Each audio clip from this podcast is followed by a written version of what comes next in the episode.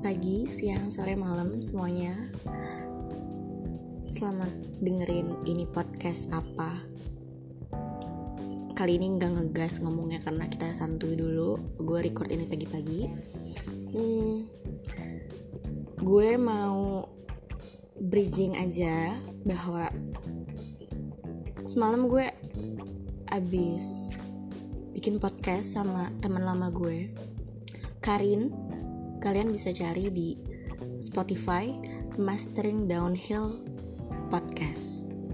Dan kita semalam sebenarnya mau perkenalan dulu cuma karena terbawa suasana akhirnya jadi cerita-cerita dan cerita di balik kenapa sih namanya Mastering Downhill Podcast?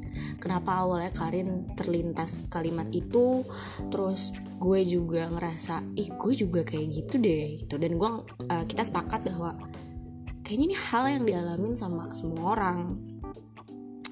Dalam as dalam tiap aspek kehidupan yang mungkin mereka nggak nyangka. Dan surprisingly semalam uh, jadi buat gue ya jadi ada value-value yang bisa didapat dari podcast uh, yang gue buat sama Karin semalam di mana jadi tahu apa itu five stages of grief. Terus mungkin buat teman-teman yang belum yang belum tahu atau belum dengar what is grief grieving your emotion dan lain-lain go check it out.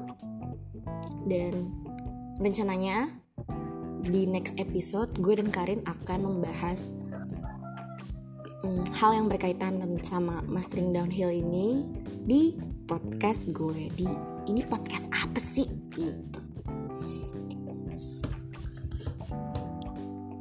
Mungkin gue mau ngerangkum dikit apa yang gue sama Karin omongin semalam karena setelahnya I'm getting a bit emotional. Hmm,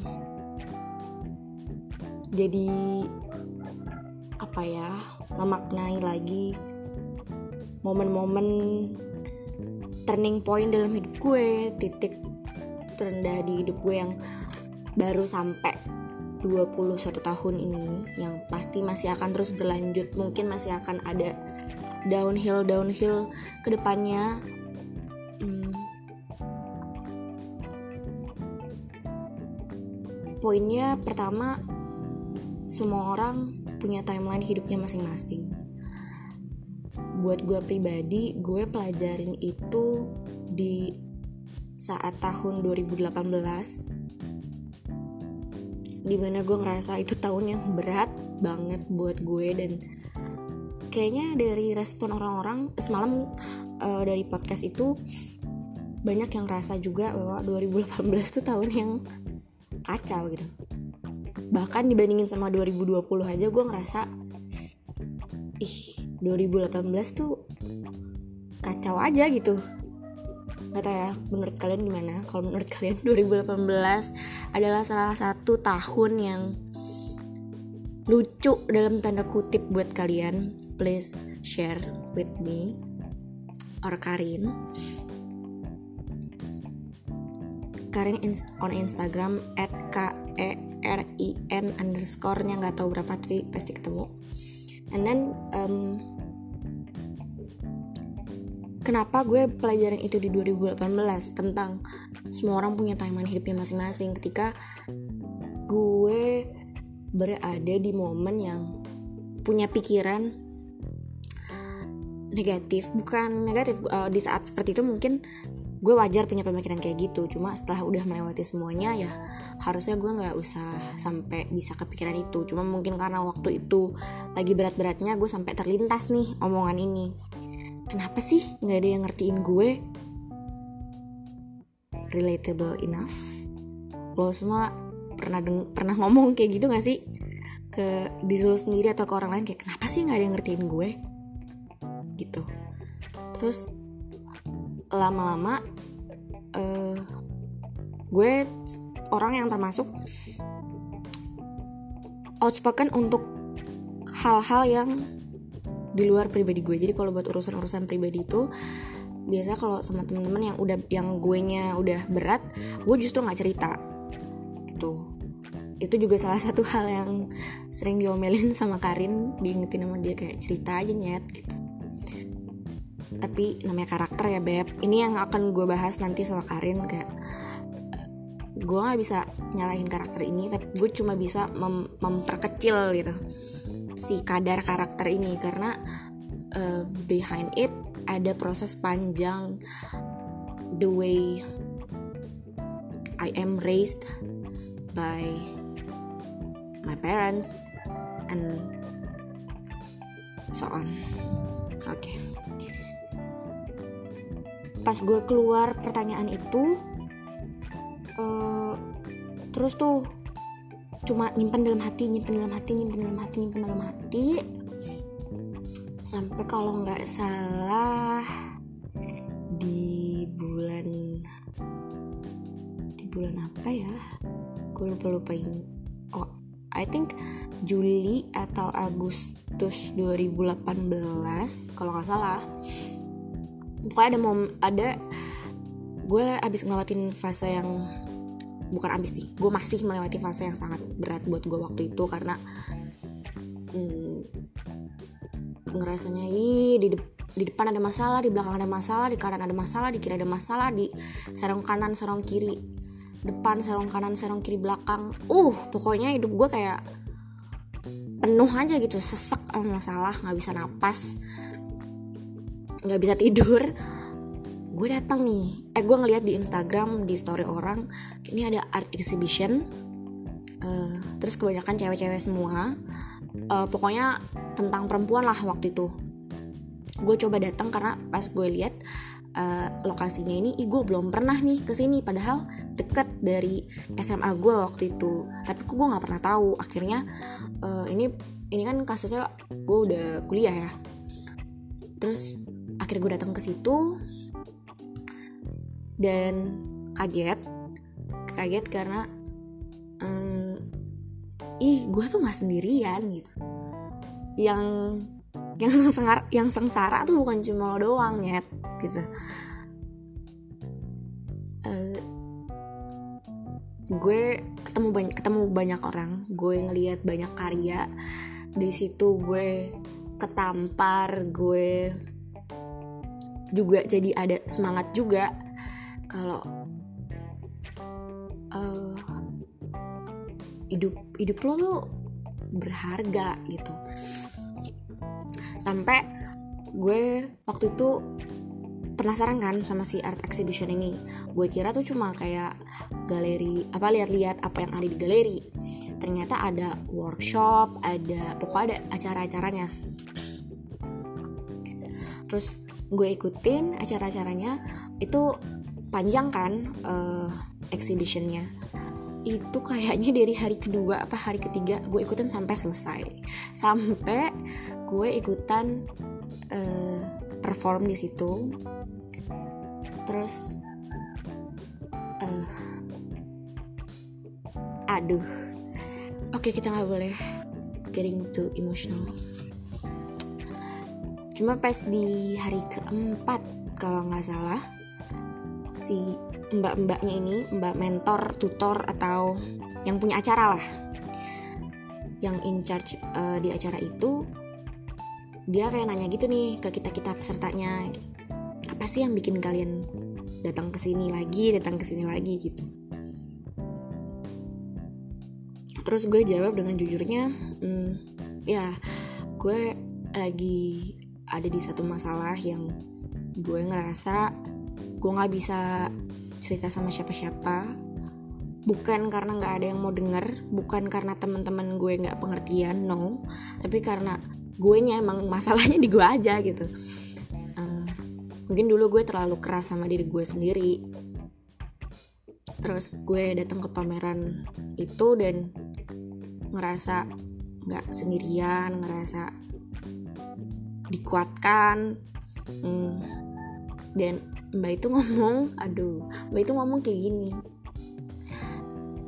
Ica it's okay kalau kamu mau nangis. Wih gila nggak? Lu bayangin lu lagi sedih ya? Lagi sedih lagi menutupi itu dari orang-orang terdekat lo just because lo nggak mau bikin mereka sedih juga. Lo nggak mau bikin mereka khawatir terus tiba-tiba nih lo datang ke satu tempat ngelihat hal-hal yang bikin lo lebih tenang.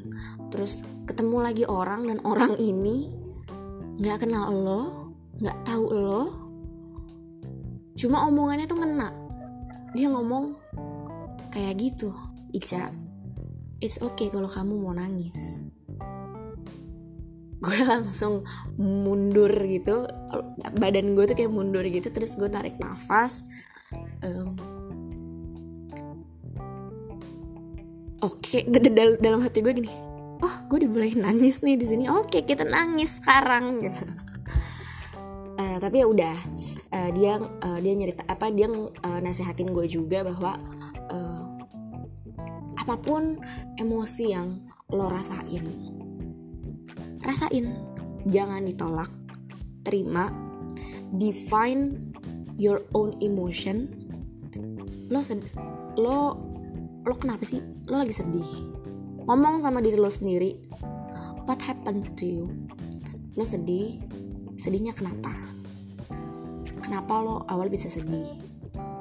Terus dari yang udah terjadi sampai bikin lo sedih kira-kira nih kalau nanti kejadian lagi gimana cara lo menghandle diri lo sendiri kalau itu kejadian lagi? Supaya lo nggak terlalu sedih atau bahkan nggak sedih.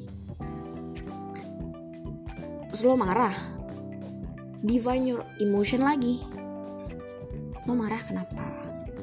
Coba pikirin deh perlu gak sih marah? Kalau memang dirasa perlu dirasa lo sudah nggak kuat ya udah ke mana nih? Uh, harus sesuai target gitu. Amarah lo ini keluar jangan sampai semua orang lo marahin atau malah lo marahin orang yang nggak tahu apa-apa gitu. Terus lo bahkan sampai bahagia bahagia itu salah satu emosi. Hmm, mungkin ini agak aneh atau lo ada yang baru dengar gitu. Lo lagi bahagia nih. Nggak semua orang bisa menerima kebahagiaan lo di saat itu. Kenapa? Karena kita semua punya karakter yang beda-beda, udah ngelewatin pengalaman yang beda-beda, dibesarkan dengan cara yang berbeda, dikasih ujian yang beda-beda. Jadi ketika lo berbagi bahagia aja, orang bisa ada yang negatif ke lo, orang bisa ada yang iri, orang bisa ada yang malah sedih, ngerasa under pressure dengan cerita bahagia lo. Padahal lo kan niatnya bahagia, maksudnya lo berbagi kebahagiaan aja, apa salahnya sih? Gitu kan. Uh, cuma memang kita nggak bisa ngejudge secepat itu untuk hmm, ih gue kan lagi bahagia lo kok ngerusak suasana sih atau apa gitu kayak nggak bisa kayak gitu dan kalau misalnya kita jadi pemeran yang sedih atau iri atau gini memang kita punya tanggung jawab sendiri untuk kontrol diri sendiri. Di saat lo iri di saat lo sedih dengan uh, apa ya kayak ih dia udah nyampe situ gue baru nyampe sini gitu. Kontrol diri lo sendiri kontrol emosi lo. Karena apa? Yang salah tuh bukan temen lo yang salah bukan orang itu. Lo pun nggak salah cuma um, it's the way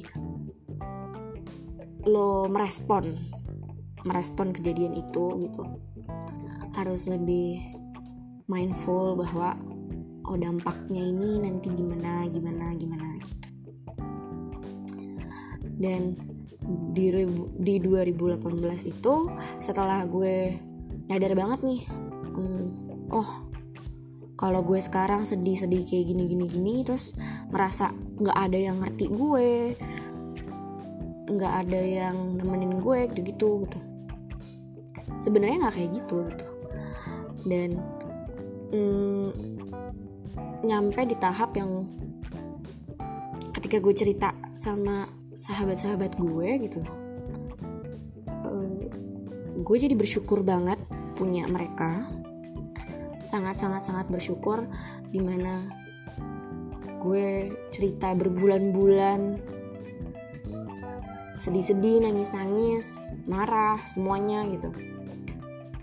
Tapi mereka masih mau dengerin bahkan sampai lebih memilih gue dibandingin cowok-cowoknya. Hmm, di situ jadi tersadar bahwa setelah gue mengalami proses grateful itu bersyukur itu gue nyadar kalau emang fase orang tuh beda-beda ini gue sekarang sedih-sedih. Gue dibantu sama sahabat-sahabat gue teman-teman gue teman-teman deket gue gitu. Tapi nanti one day one day mungkin mereka yang akan kayak gitu dan gue akan ada buat kalian gitu. Gitu. Roda itu berputar. Semua orang punya timelinenya masing-masing. Gue ngerasa waktu itu juga nggak adil. Kenapa sih gue harus kayak gini sedangkan teman-teman gue bisa enteng-enteng aja gitu. Padahal nggak kayak gitu. Mereka emang belum nyampe fase situ aja. Mungkin fase yang gue anggap berat in anggap berat waktu itu gue pikir itu udah puncak tanda kutip kesulitan hidup gitu. Padahal belum tentu belum tentu. Belum tentu itu puncak kesulitan hidup gue sama dengan puncak kesulitan hidup orang. Ngerti gak? Susahnya gue belum tentu susahnya lo. Susahnya lo belum tentu susahnya gue. Jadi benar-benar nggak bisa disamain. Benar-benar harus belajar eh, nggak uh, judgmental towards yourself towards others. Gue belajar banyak di situ belajar memaafkan diri sendiri juga. Kenapa belajar memaafkan diri sendiri? Karena uh, kayak ngomong sama diri sendiri aduh maaf ya gue dulu ngotorin lo pakai pikiran-pikiran negatif kayak gitu gitu. Terus gue juga memaafkan orang-orang yang mungkin meninggalkan uh, gitu deh sejarah-sejarah hidup sih But after all, about mastering downhill yang akan gue bahas nanti sama Karin. Di podcast gue hmm, akan ngebahas lebih dalam lagi kayaknya tentang gimana mulai dari secara general hmm, sampai deep down menurut kita masing-masing tuh gimana? Karena mm, ngeli nge ngelihat juga respon temen-temen emang lagi pada ngerasain gitu. Dan ini semua bukan omongan sesaat. Ini yang bakalan it's a hard truth. Kalau kita bakalan ngadepin ini terus-terusan terus-terusan justru bakal level up level up level up level up. Ini baru awal. Ini bener-bener baru awal kayak mungkin 10 tahun lagi kalau gue dengerin ini podcast gue gue dengerin podcast gue sama Karin gue juga akan ketawa ketawa gitu kalau kayak ah itu nggak ada apa-apanya. Sama yang gue alamin 10 tahun lagi nih nanti itu tapi bukan berarti gue menggampangkan meremehkan cuma memang semua itu ada prosesnya. Uh, don't be in a rush. Jangan buru-buru. Jangan gegabah.